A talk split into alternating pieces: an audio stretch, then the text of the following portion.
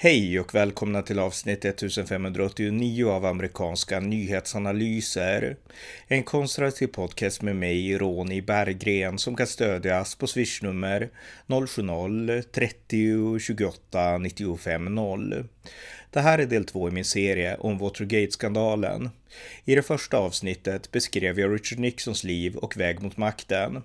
I detta avsnitt skildras hans gärning i Vita huset och det steg han och hans medarbetare tog som banade vägen mot Watergate. Varmt välkomna!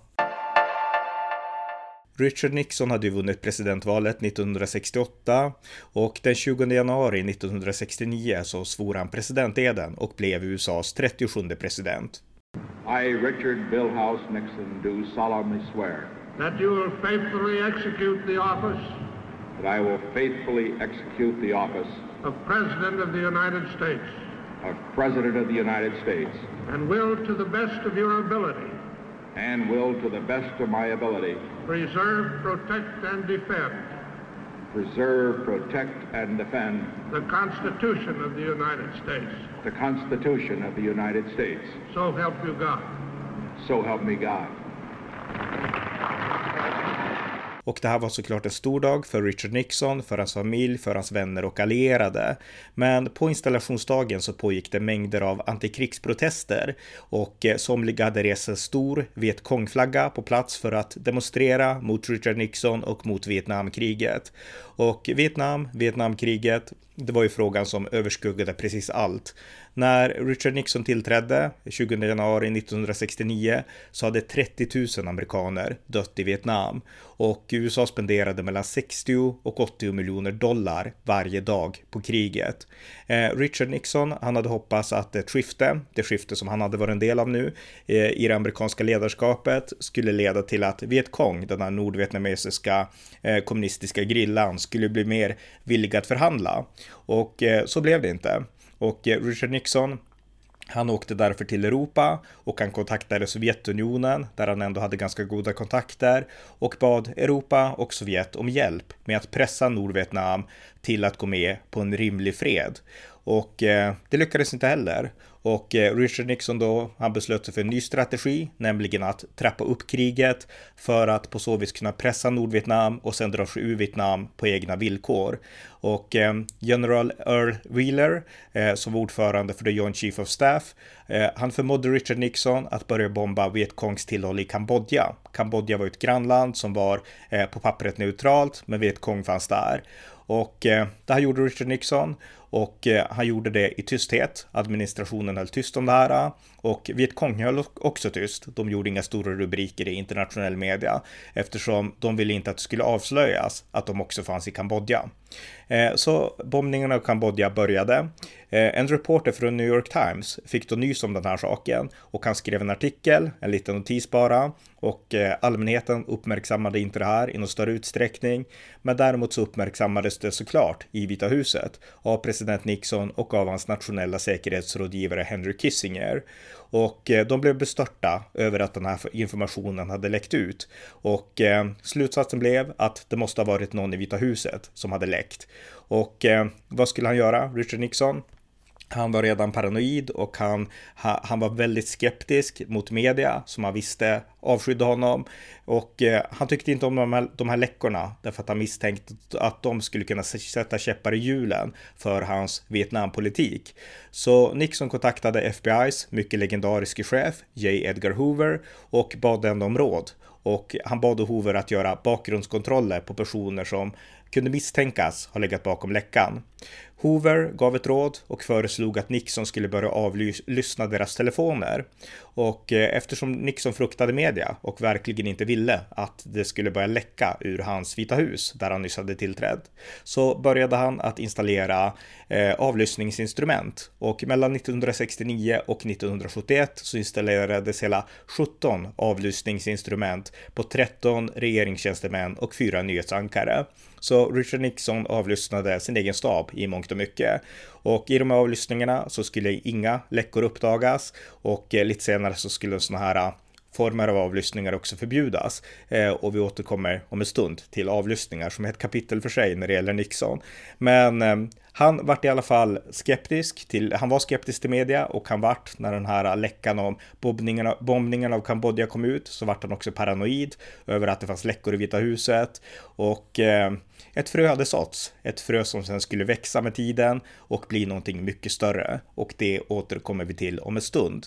Men jag tänkte först innan vi går in på det som är Watergate-skandalen berätta lite om Richard Nixons politik som president därför att den är intressant. Det är många som inte känner till den därför att den har helt hamnat i skuggan av Watergate-skandalen. Men man måste också förstå politiken för att förstå varför det samtidigt som Nixon hade de här problematiska sidorna också fanns en enorm fascination och ett enormt stöd för Richard Nixon och en anhängarskara, inte minst hans nära medarbetare, som var djupt lojala mot Richard, mot Richard Nixon. De var det därför att de trodde på honom som person och för att de trodde på honom som politiker. Så låt mig berätta lite om politiken. Inrikespolitiskt så skulle Richard Nixon göra en, ett, en mängd olika reformer och media hade ju alltid framställt Richard Nixon som en ärkekonservativ och han var ju traditionalist eh, både till, ja, till intressen och till sin personlighet. Han, han var musikalisk, gillade musik, han gillade att skriva dikter och han skrev väldigt romantiska dikter till sin hustru Pat eh, och eh, han, eh, ja, han hade de här traditionella sidorna. Han var också konservativ i förhållande till de väljare han ville nå, den tysta majoriteten och han var ju också realpolitiskt konservativ kan man säga då i förhållande till utrikespolitiken. En utrikespolitik som var hård och stark på ett sätt jämfört mot demokraterna, men som skulle tas snäppet längre av Ronald Reagan lite senare, men det är en annan historia. Så att Nixon var en konservativ på så vis att han hade vissa konservativa principer och kan vara traditionalist. Men politiken inrikespolitiskt, den var, var i mångt och mycket moderat och idag så skulle man till och med kunna kalla den vänsterpolitik därför att politiken i USA drevs till höger när Reagan kom till makten. Nu så, alltså från vänsterhåll så svartmålar man Nixon, men det gör man inte för hans politik, inte inrikespolitiken, utan det gör man på grund av Watergate och kanske i viss mån då Vietnamkriget. Men den som drev USA högerut, det var Reagan, det var inte Nixon. Och och eh, inrikespolitiskt så föreslog Nixon stora bidrag till fattiga och utsatta. Han skapade USAs miljödepartement, The Environmental Protection Agency, EPA. Eh, han finansierade colleges för svarta ungdomar och han finansierade drogbehandlingscenter. Sen drev han också ett ganska hårt krig mot droger för att han tyckte inte att droger var bra. Men han hade också den här mjuka politiken. Han mångfaldigade finansieringen av The National Endowment in the Arts Eh, och eh, han, han gjorde många sådana här inrikespolitiska reformer som utan tvekan var moderata och kanske till och med vänsterpolitiska. De, de konservativa som började växa fram under Barry Goldwater och eh, Ronald Reagans eh, mentorskap, de var definitivt kritiska till mycket som Nixon gjordes, ska sägas. Men det var lite av hans inrikespolitiska program. Sen en händelse som var ja, en blandning mellan inrikes och utrikespolitik, eller snarare rymdpolitik. Det var ju såklart månlandningen 1969, Neil Armstrong som gick på månen. Och eh, eh, Nixon, han ringde upp eh, astronauterna och gratulerade och det här var ett projekt som hade börjat under John F Kennedy, men det var Nixon som var president när det verkställdes. Eh, gällande också abortfrågan kan vi nämna några ord. Det var under Nixons presidentskap som högsta domstolen beslöt att Roe v. Wade skulle fastställas. Det, det domslut som gav amerikanska kvinnor rätt att göra abort och förbjöd delstaterna från att förbjuda aborter. Och det här gjordes av en domare som hade tillsatts av Richard Nixon. Eh, Nixon själv, han eh, var emot domslutet, eller han var tudelad till domslutet ska sägas.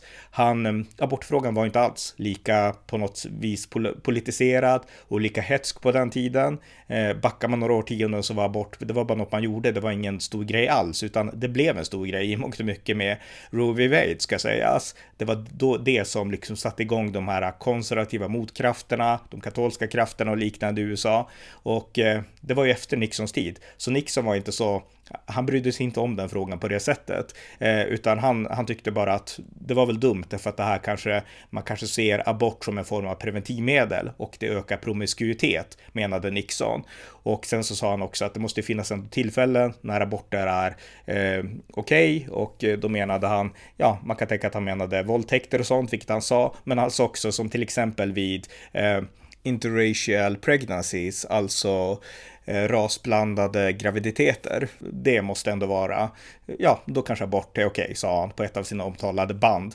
som spelades in då, som vi kommer in på senare. Så att han var skeptisk till aborter, men kanske inte av samma orsak som dagens eh, abortskeptiker är. Men han var också för aborter på, på ett sätt, alltså han var inte emot dem heller speciellt hårt, men inte kanske utifrån de argument som, som vänstern har idag. Så att frågan om aborter då, den var, det tog avstamp på ett helt annat sätt och helt andra tankegångar tankegångar än det gör idag. Det är ganska intressant. Eh, de här krafterna då som har mobiliserat mot aborter sen dess egentligen, det skedde efter Roe v. Wade och det, det, är ganska intressant då.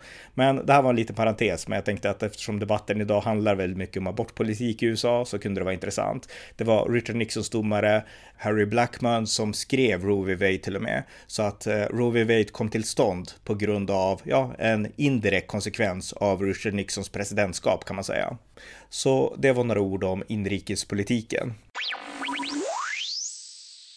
När det gäller Richard Nixon då så har ju det mesta som har med honom att göra hamnat i skuggan av Watergate-skandalen och eh, det gäller även utrikespolitiken och därför är det lätt att glömma bort att Richard Nixon var en av de mest framgångsrika utrikespolitiska presidenterna i amerikansk historia. Och det märktes på alla tre områden där han lyckades med stora bedrifter.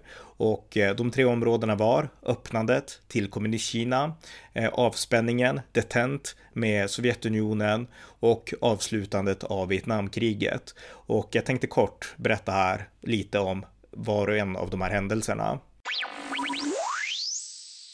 Och om vi börjar med Kina. Richard Nixon, han var djupt intresserad av och insatt i utrikespolitik och eh, redan 1967 så hade han skrivit en artikel i tidningen Foreign Affairs om vikten av att inte lämna Kina utanför nationernas gemenskap. Eh, Nixon menade att om man isolerade en miljard människor, en miljard kineser, då skulle de här bli väldigt arga och aggressiva och det skulle bli mycket olyckligt, menade Nixon och bygga upp en potentiell framtida konflikt mellan Kina och USA. Det behövde man förhindra. Och i sitt tal, sitt installationstal den 20 januari 1969 så var han också lite kort inne på de här idéerna om att man kan inte isolera människor på det här sättet, utan vi måste öppna upp. Så att de här idéerna fanns redan innan han tillträdde, tillträdde som president och det var mer ett långsiktigt strategiskt tänkande bortom Vietnamkriget. Men det fanns också ett samtida realpolitiskt tänkande för att realisera det här öppnandet mot Kina här och nu och eh, det realpolitiska tänkandet hade att göra med konflikten med Sovjetunionen. USA befann sig ju i ett kallt krig mot eh, Sovjetunionen. Sovjetunionen var ett totalitärt kommunistiskt imperium som stod för kommunism, medan USA var den fria världens väktare som stod för demokrati och frihet. Och eh, de här två eh, supermakterna, de kämpade mot varandra i det som kallades kalla kriget. Sovjetunionen var kommunistiskt och Kina var också kommunistiskt och på så vis var de ju ideologiska fränder och hade i teorin USA som gemensam fiende. Men det fanns också djupa konflikter mellan Kina och Sovjetunionen på den här tiden. Det rådde olika gränskonflikter och till och med krig och det fanns olika ideologiska syn på saker och ting där man skilde sig åt och det var personkemin som inte stämde och så vidare. Så att Kina och Sovjetunionen, trots att båda hade marxismen som grundplattformar för sina nationsbyggen, så var de inte bästa vänner. Och det här såg Richard Nixon och insåg att vi måste försöka spela ut Kina mot Sovjetunionen. Så 1971 så började tyst diplomati drivas mellan USA och Kina och eh, Henry Kissinger och eh, andra åkte på besök till Kina eh, i tysthet och i februari 1972 så åkte även Richard Nixon till Kina. Han hade året dessförinnan fått en officiell inbjudan av Kina att komma på statsbesök, vilket han gjorde i februari 1972 när han reste till Kina och träffade Mao Zedong. Och det här blev ett nytt kapitel i Kinas historia. Nu öppnades världen upp för Kina, handel öppnades upp för Kina och Kinas väg från en isolerad fattig kommunistdiktatur till en mer öppet, ett mer öppet samhälle, det började nu. Och eh, det var helt och hållet tack vare Richard Nixon. Sen var det också så att Nixon kunde göra det här eh, på grund av att han var en så stark antikommunist. Alltså om en vänsterpolitiker hade gjort det här så skulle den ha blivit anklagad för att ha varit, eh, lagt sig platt för Kina och eh, ställts in inför kommunismen och sådär. Men Richard Nixon var ju en av USAs mest, eller USAs, han var USAs mest kända antikommunist. Han var stenhård i sin antikommunism och ingen kunde tolka det här som ett svaghetstecken eller att han var undergiven kommunismen, utan man såg det som ett smart strategiskt spel eh, och utifrån hur Sovjet reagerade så eh, tolkade även den amerikanska allmänheten här som en mycket smart sak att göra av Nixon. Så att ett genialiskt drag av Nixon att öppna upp för Kina. Sen fick det också konsekvenser för Taiwan och för ah, i förhållande till andra länder som man kan diskutera vid annat tillfälle. Men i förhållande till den stora övergripande konflikten mot världskommunismen som uppbars främst av Sovjetunionen så var det här ett genialiskt drag av Richard Nixon. Och eh, det ledde oss vidare till hur han hanterade Sovjetunionen. Och eh, Sovjetunionen betraktade det här vänskapliga mötet mellan Kina och USA med stor oro. Eh, man var rädd för att Kina och USA nu skulle alliera sig mot Sovjetunionen. Och det här gav USA just den fördel som man hade hoppats på. Det var nämligen så här att Sovjet och USA, de drev Eh, förhandlingar om att nedrusta sin robotarsenal, robotar som skulle ha potential att kunna skjuta ner kärnvapenstridsspetsar och även skjuta kärnvapenstridsspetsar. Det pågick förhandlingar om det och det var förhandlingar som hade inletts i, i Helsingfors i Finland redan 1969, men de hade sakta avtagit. När USA eh, fick det här vänskapliga mötet med Kina så blev Sovjetunionen mer angelägna om att förhandla och det ledde till det avtal som heter SALT 1-avtalet, eh, ett nedrustningsavtal mellan Sovjetunionen och USA under Richard Nixon och hans administrationsledning. För det var ju så här att dessförinnan under kalla kriget så hade det pågått i mångt och mycket en upptrappning och såväl Sovjetunionen som USA levde, levde enligt tesen mutually assured destruction med, som det kallas, alltså idén om att eh, Båda sidor har så många kärnvapen att de kan tillintetgöra den andra. Och eftersom båda sidor vet att den andra sidan har så många kärnvapen så kommer ingen sida att skjuta första skottet. Därför att det kommer innebära att man också själv tillintetgör sig själv. Och den här tesen om mutual assured destruction, det var i mångt och mycket en idé som drevs fram av eh, USAs försvarsminister under Kennedy och Johnson, Robert McNamara. Eh, och eh, den här idén var, var, en del av det strategiska tänkandet på både Sovjets och USAs sida. Alltså att vi har jättemånga kärnvapen, så skjuter ni så skjuter vi. Och eh, det här tänkandet fortsatte ju egentligen under hela kalla kriget. Men vad Nixon gjorde, det var att han ändå började en praktisk nedmontering. Även om liksom kärnvapennationalerna fanns kvar så ville man ändå visa att vi måste försöka nedrusta. Och eh, besöket med Kina öppnade upp för den här nedrustningen, SALT 1-avtalet. Och under 70-talet, under Nixons presidentskap, men även hans efterträdare Gerald Ford och i viss mån under Jimmy Carter, så pågick den här nedrustningen, en detenté, avspänning mellan Sovjet och USA. Den avspänningen var inte en realitet på 50 eller 60-talet, men det blev en realitet under 70-talet. Sen kom året 1979 när Sovjetunionen invaderade Afghanistan och USA blev mycket kritiska till Sovjet och Ronald Reagan kampanjade mot DTNT mot avspänning och menade att avspänningen under 70-talet, eh, den var fel väg att gå. Nu måste vi trappa upp mot Sovjetunionen. Vi måste kapprusta ihjäl Sovjet. Vi ska inte avspänna utan vi ska kapprusta. Det var Reagans budskap. Men det var efter att Sovjet hade invaderat eh, Afghanistan. Eh, Nixon, han drev på med den här politiken, en avspänning som ändå på något sätt eh, ja, gjorde världen stabilare i en tid när det rådde väldigt mycket instabilitet. Så på så vis så lyckades Nixon, tack vare sitt första drag, att eh, skapa en vänskaplig relation med Kina och också verka för nedrustning med Sovjetunionen. Om vi då går vidare till hans tredje stora grej och det var såklart eh, att lämna, att avsluta Vietnamkriget. Som jag sa tidigare så hägrade ju Vietnamkriget över hela Richard Nixons presidentskap från installationen i januari 1969.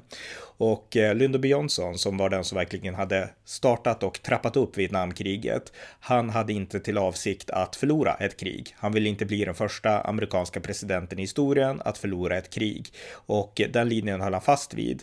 Men när Nixon tog över så insåg han att vi kan inte vinna eh, över Nordvietnam, vi kan inte befria Nordvietnam från kommunismen, men vi kan skydda Sydvietnam. Och Nixon vill inte heller förlora ett krig, men däremot så skalade han ner ambitionerna för kriget.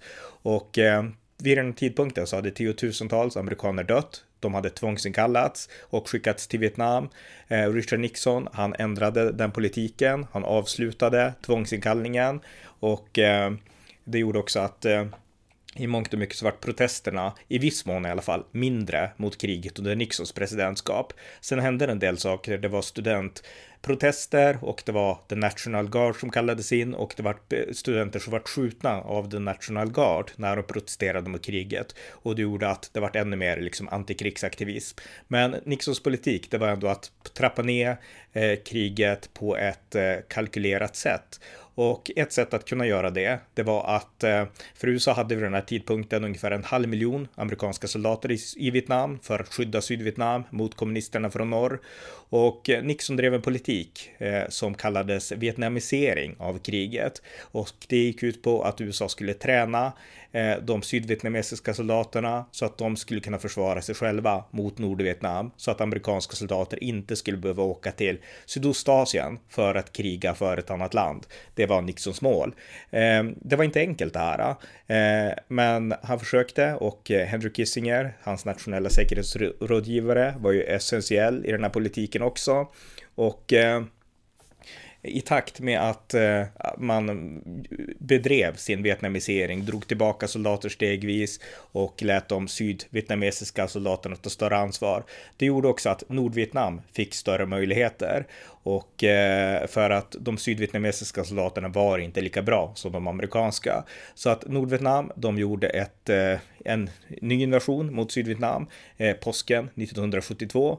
Eh, Richard Nixon bemötte det genom att bomba och eh, till slut under hösten på 1972, då kom förhandlingar om vapenstillestånd igång mellan, de leddes av Henry Kissinger från USAs sida och Nordvietnam och även Sydvietnam. Och eh, man kom fram till ett hyfsat avtal.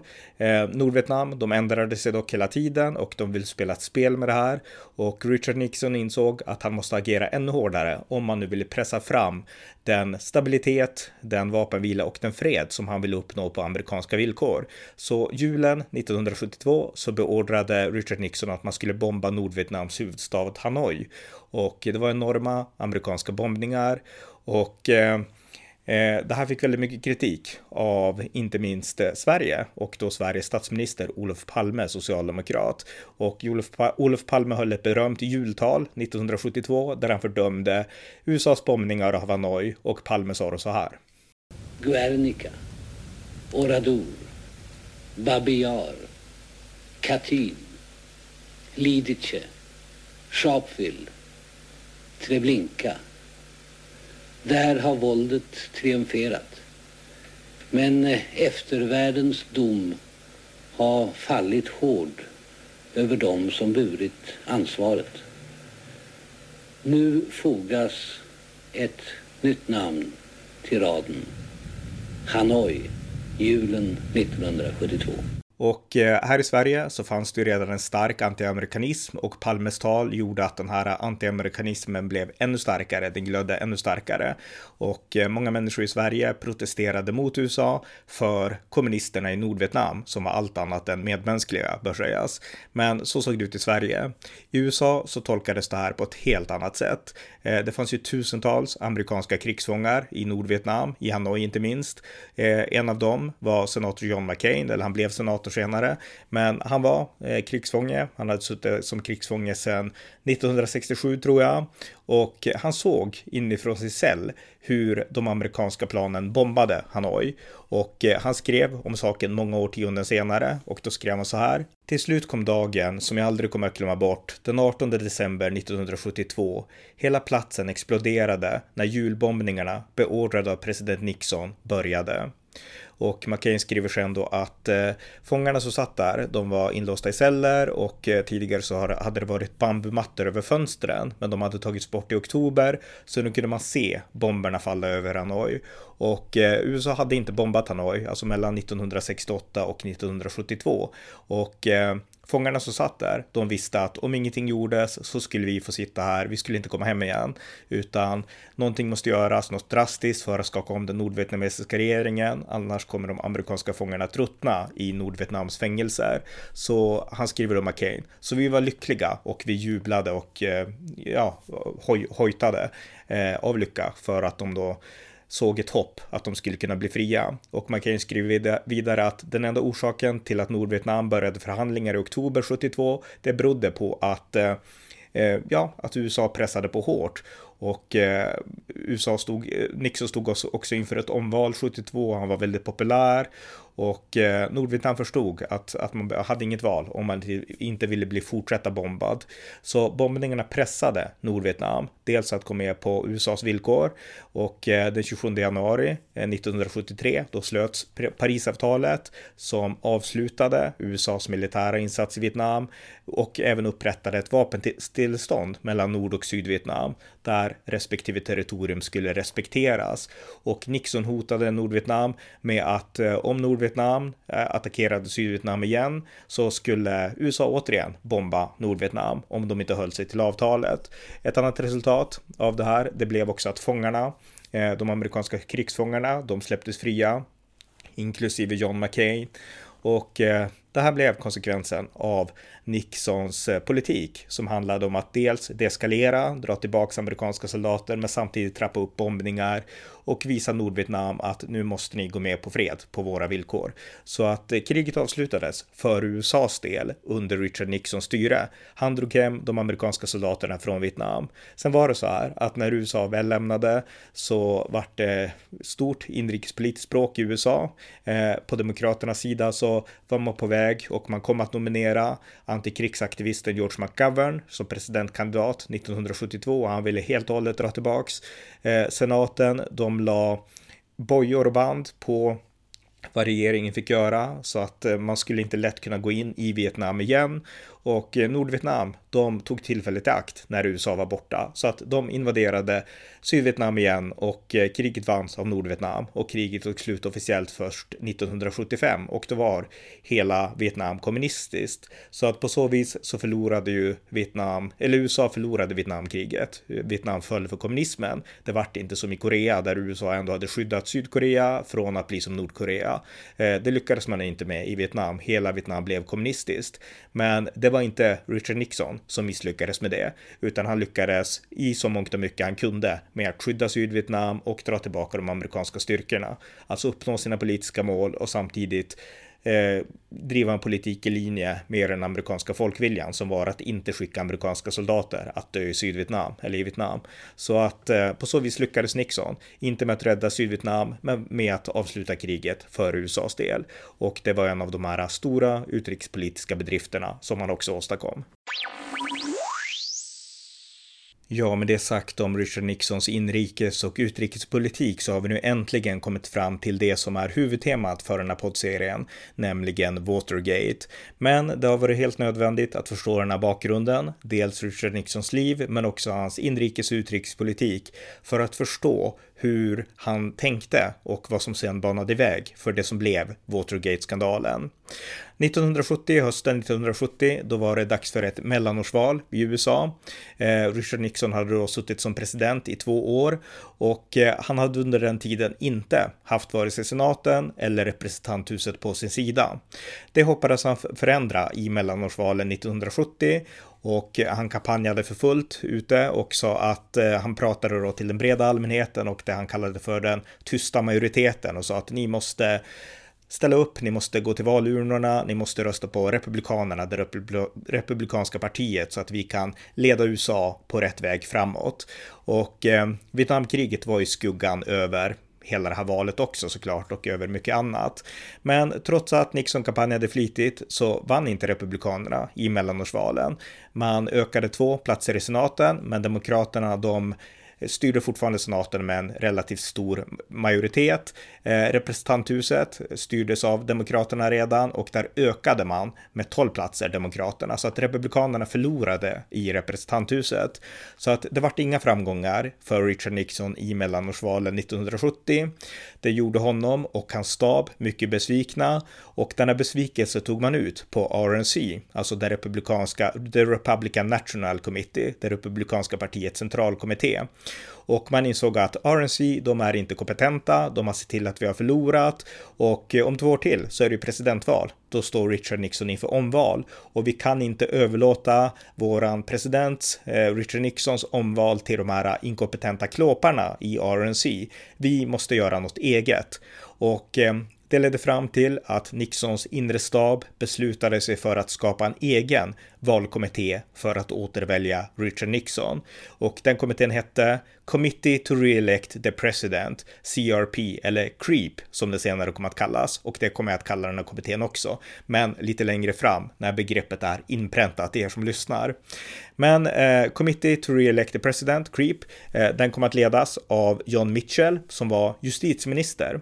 Eh, justitieministern för Richard Nixon, John Mitchell, han hoppade av sitt jobb som justitieminister för för att istället bli kampanjmanager åt Richard Nixons återvalskommitté.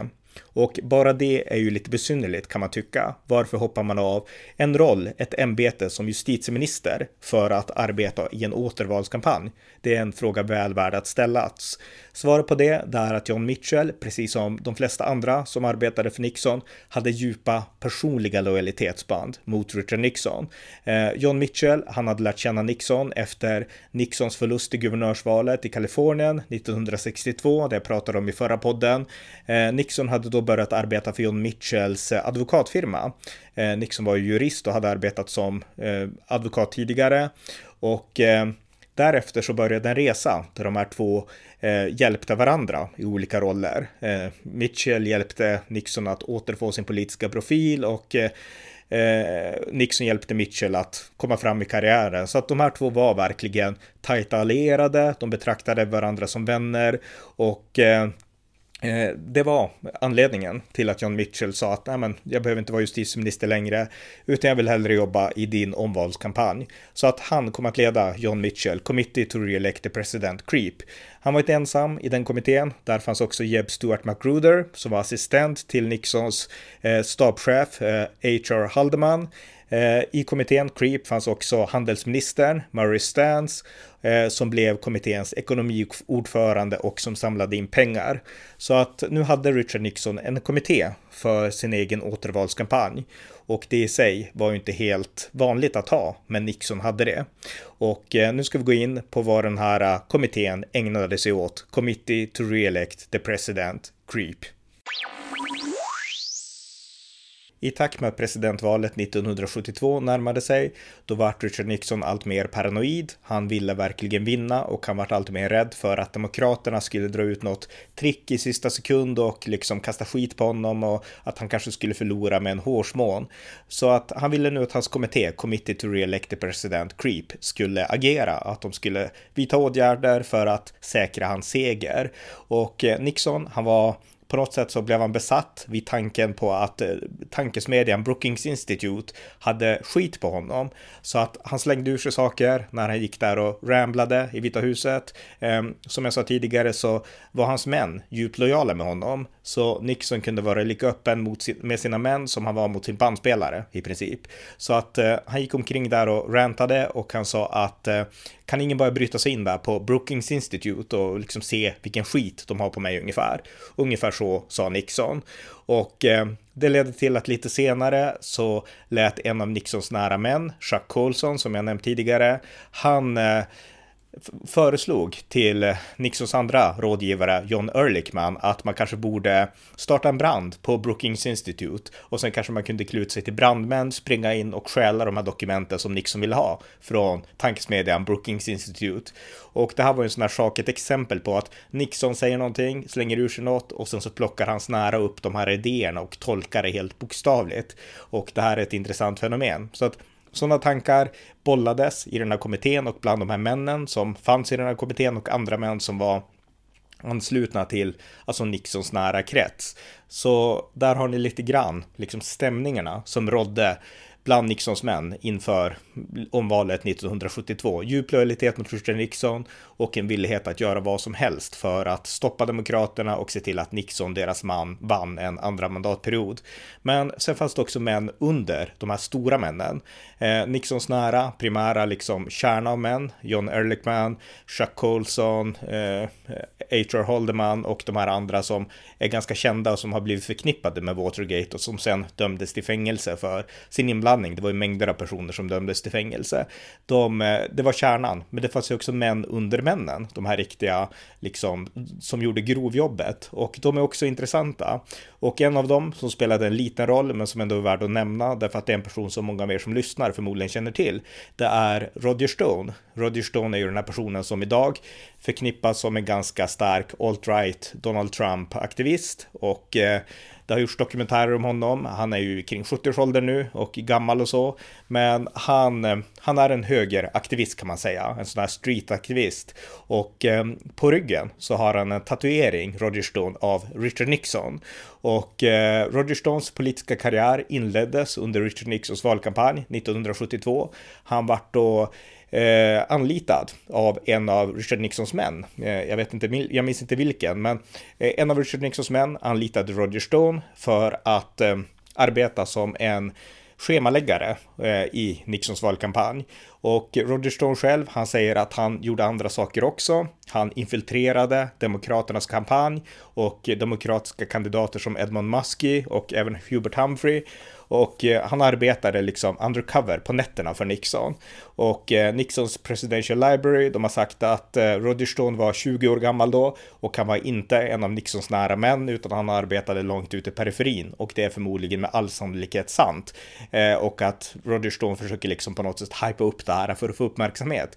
Men han arbetade åt Nixons kampanj och eftersom det är en person som de flesta av er som lyssnar tror jag känner till, ni vet att han är väldigt extrovert och så här, alltså har ni ändå där ett exempel på liksom de här slags vad ska man säga, politiska aktivistiska hantverkarna som ändå fanns i Nixons miljö och omgivning där i början på 70-talet. Även om Nixons nära män, de är ju, de flesta av dem är döda idag och eh, Roger Stone själv är för ung egentligen då. Men den slags typen av personligheter, det är det som jag tycker Roger Stone illustrerar så bra. Så att honom vill jag nämna där, kasta fram lite grann. Han var en av Nixons män, eh, perifera, perifera män visserligen, men likväl, eh, där på 70-talet. Men sen fanns det också andra andra män som var betydligt viktigare. Och eh, de skulle Nixon komma att bruka sig av när nästa skandal eller nästa politiska problem dök upp och det problemet skulle komma sommaren 1971. Den 12 juni 1971, det var en lycklig dag för familjen Nixon. Då gifte sig Richard Nixons dotter Tricia med advokaten Edward Cox. Dagen därpå däremot, den 13 juni 1971, skulle inte bli lika lycklig för Richard Nixons del. Då läste han nämligen New York Times och där stod att en ung man vid namn Daniel Ellsberg eh, höll på att släppa eh, topphemliga dokument som kallades Pentagonpappren, The Pentagon Papers. Och eh, när Nixon läste om det här så blev han väldigt upprörd eh, och eh, han, han kanske inte var så bekymrad över innehållet i de här dokumenten som skulle släppas i dess helhet därför att det var avslöjande som handlade om Lyndon B Johnson och John F Kennedy och hur de hade eh, hemlighållit många fakta om Vietnamkriget. Och eh, det handlade inte primärt om honom, så att, eh, att det kastade skit på LBJ hade han ingenting emot. Men däremot var han arg eh, på grund av metoden och det faktum att det kunde uppstå en läcka. Och eh, Nixon utbrast, det är regeringens uppgift, inte New York Times, att avgöra konsekvenserna av eh, frisläppandet av topphemliga dokument, utbrast Nixon. Så att han oroade sig över de här dokumenten och att de skulle sätta käppar i hjulen för de fredsförhandlingar med Nordvietnam som han då försökte driva och eh, käppar i hjulen för relationen med Kina. Och det här var en oro som också delades av hans nationella säkerhetsrådgivare Henry Kissinger. Och eh, Nixon, han beordrade justitiedepartementet att försöka stoppa de här Pentagonpapperna från att publiceras i dess helhet. Men eh, den 30 juni så dömde högsta domstolen mot honom och de gav eh, New York Times rätten på rätten att publicera och Washington Post och sådär. Och eh, justitiedepartementet kunde inte stoppa det här. Och Nixon, han tog väldigt illa vid. Han ansåg att det här var ett tecken på att liberal media hade vunnit igen. Liberal media som älskar att kick Nixon around, som han själv hade sagt. Nu hade de förnedrat honom igen. Och eh, nu så beslöt Richard Nixon att eh, ta saken i egna händer. Alltså, vi kan inte tillåta det här, tyckte Richard Nixon. Så Richard Nixon, han tog kontakt återigen med FBI-chef J. Edgar Hoover och eh, bad J. Edgar Hoover att eh, luska ut hur Daniel Ellsberg hade kommit över uppgifterna om Pentagon Papers. Eh, men J. Edgar Hoover, han sa att det här är inte på våra bord och eh, jag är inte intresserad av det. Och eh, då insåg Nixon att okej, okay, mitt team måste agera. Och eh, eh, Nixon lät då sin rådgivare John Ehrlichman sätta upp en, ja, vad ska man säga för något, en grupp, en grupp eh, som John Ehrlichman satte upp tillsammans med en ung advokat vid namn Egil Bud Krog. Och det här var en grupp som hade som syfte att stoppa läckor, stoppa politiska läckor. För att det var någonting som Richard Nixon nu var rädd för och han ville att framtida Daniel Ellsbergs, de skulle stoppas innan det läckte. Så därför skulle en grupp sättas upp. Och eh, i den här gruppen som startades så fanns tre personer. En som hette David Young, han var advokat. En som hette Howard Hunt, en före detta CIA-agent. Och en som hette G. Gordon Libby, eh, Liddy, en före detta FBI-agent. Och de här tre personerna, de blev väldigt viktiga i den här gruppen. Och den här gruppen fick ett smeknamn. Det var nämligen så att en av gruppens medlemmar, David Young, han var hemma hos sin mormor och hon frågade vad, vad jobbar du med? Och han sa att jag arbetar i Vita huset. Jaha, vad gör du där? Eh, jag arbetar med att stoppa läckor, sa David Young då lite kryptiskt. Jaha, utbrast mormodern, du är en rörmokare. Och eh, på det sättet så fick den här gruppen då smeknamnet The Plumbers och det har sen förevigats för att The Plumbers spelade en ganska väsentlig roll i det som sen blev den stora Watergate-skandalen. Men så uppkom det namnet, The Plumbers, en mormor som bara tänkte som det lät, rörmokare, okej.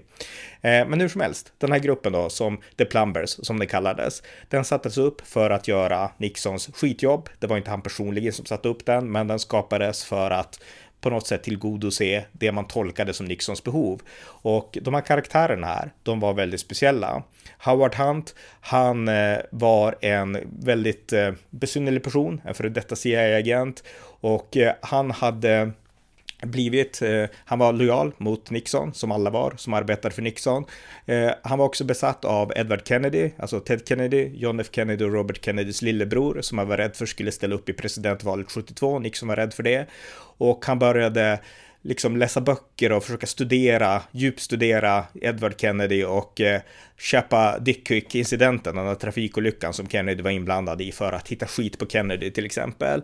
Och eh, han var också övertygad om att eh, Kennedy Eh, alltså John F Kennedy hade ordrat mordet på Sydvietnams president Nog Dinh Diem Eh, och eh, man, man liksom försökte gräva fram sådana här saker eh, och man försökte på något sätt använda att Kennedy var katolik och liknande eh, för att kunna sen kasta skit på lillebrodern Ted Kennedy om han skulle ställa upp i presidentvalet 72. Så att Howard Hunt som var del av The Plumbers, han, han arbetade väldigt mycket med, med, med liksom försöka luska fram sådana saker också.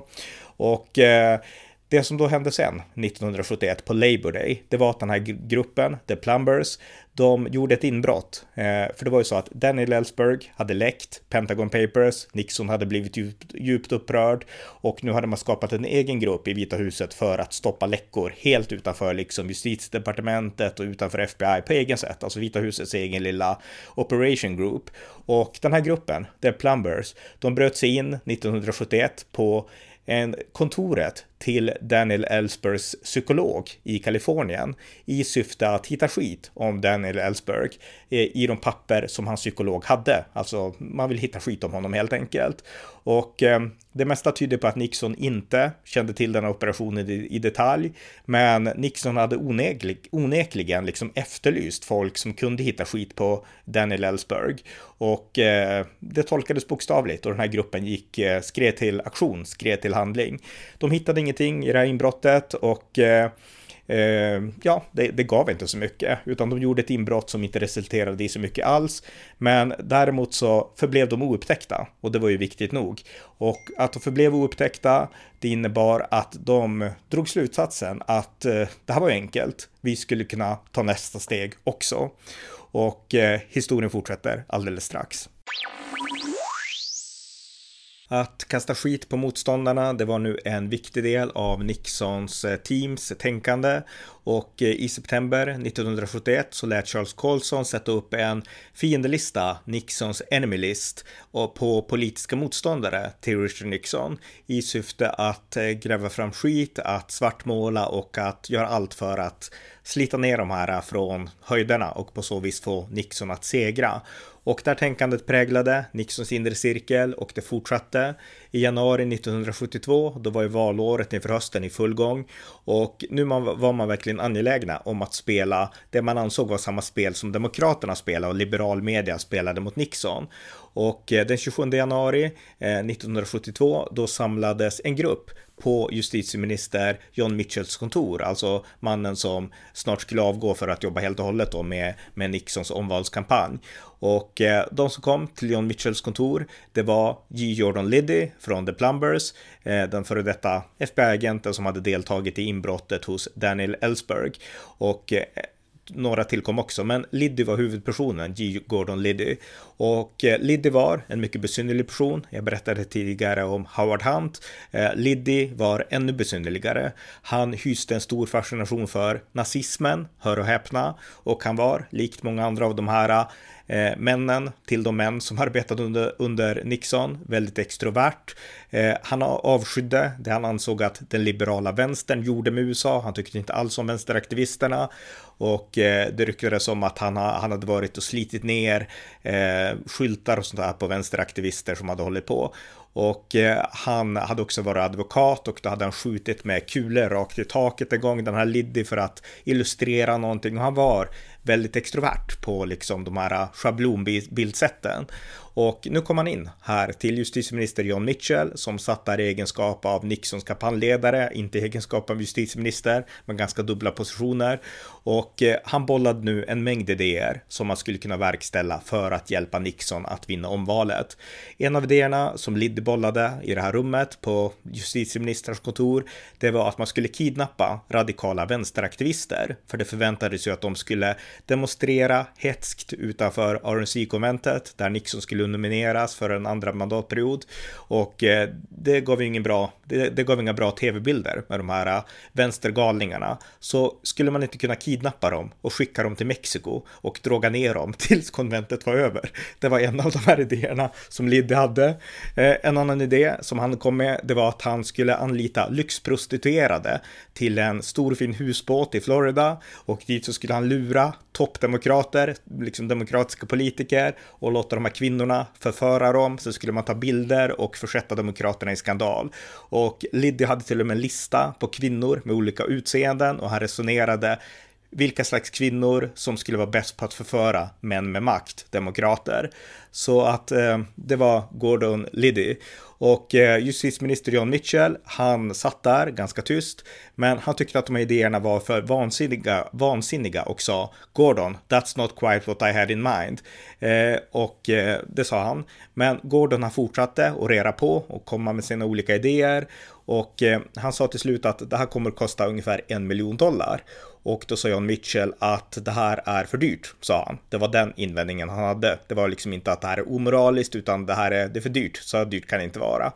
Och eh, Vita husets eh, Eh, några andra som fanns i rummet också, det var Nixons rådgivare John Dean och eh, Jeb Magruder som alltså var anställd av stabschef H.R. Haldeman. De var också här i rummet och de fortsatte med, med de här idéerna, bollade dem med liksom Liddy som huvudperson. Det var han som skulle komma på vad man bäst kunde göra för att hjälpa Nixon att vinna omvalet.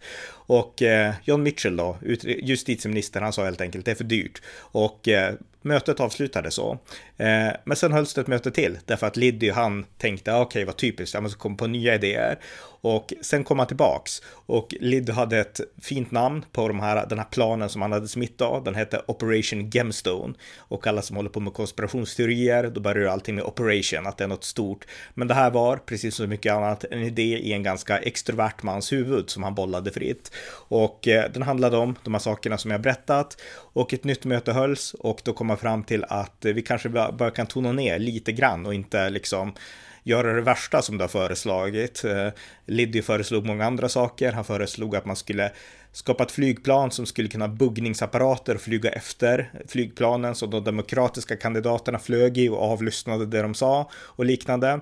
Och till slut så fastnade man vid det här med buggning och då kom man fram till att man kanske skulle kunna avlyssna Eh, Demokraterna och Liddy hade också, det här är en av de mer extrema sakerna, eh, att man övervägde också att, att eh, eh lönnmörda eh, kolumnisten Jack Anderson som hade rapporterat kritiskt om Nixons kampanj och eh, finansiering och så. Den planen bollade Libby också, Liddy också, så att han hade många helt konstiga idéer.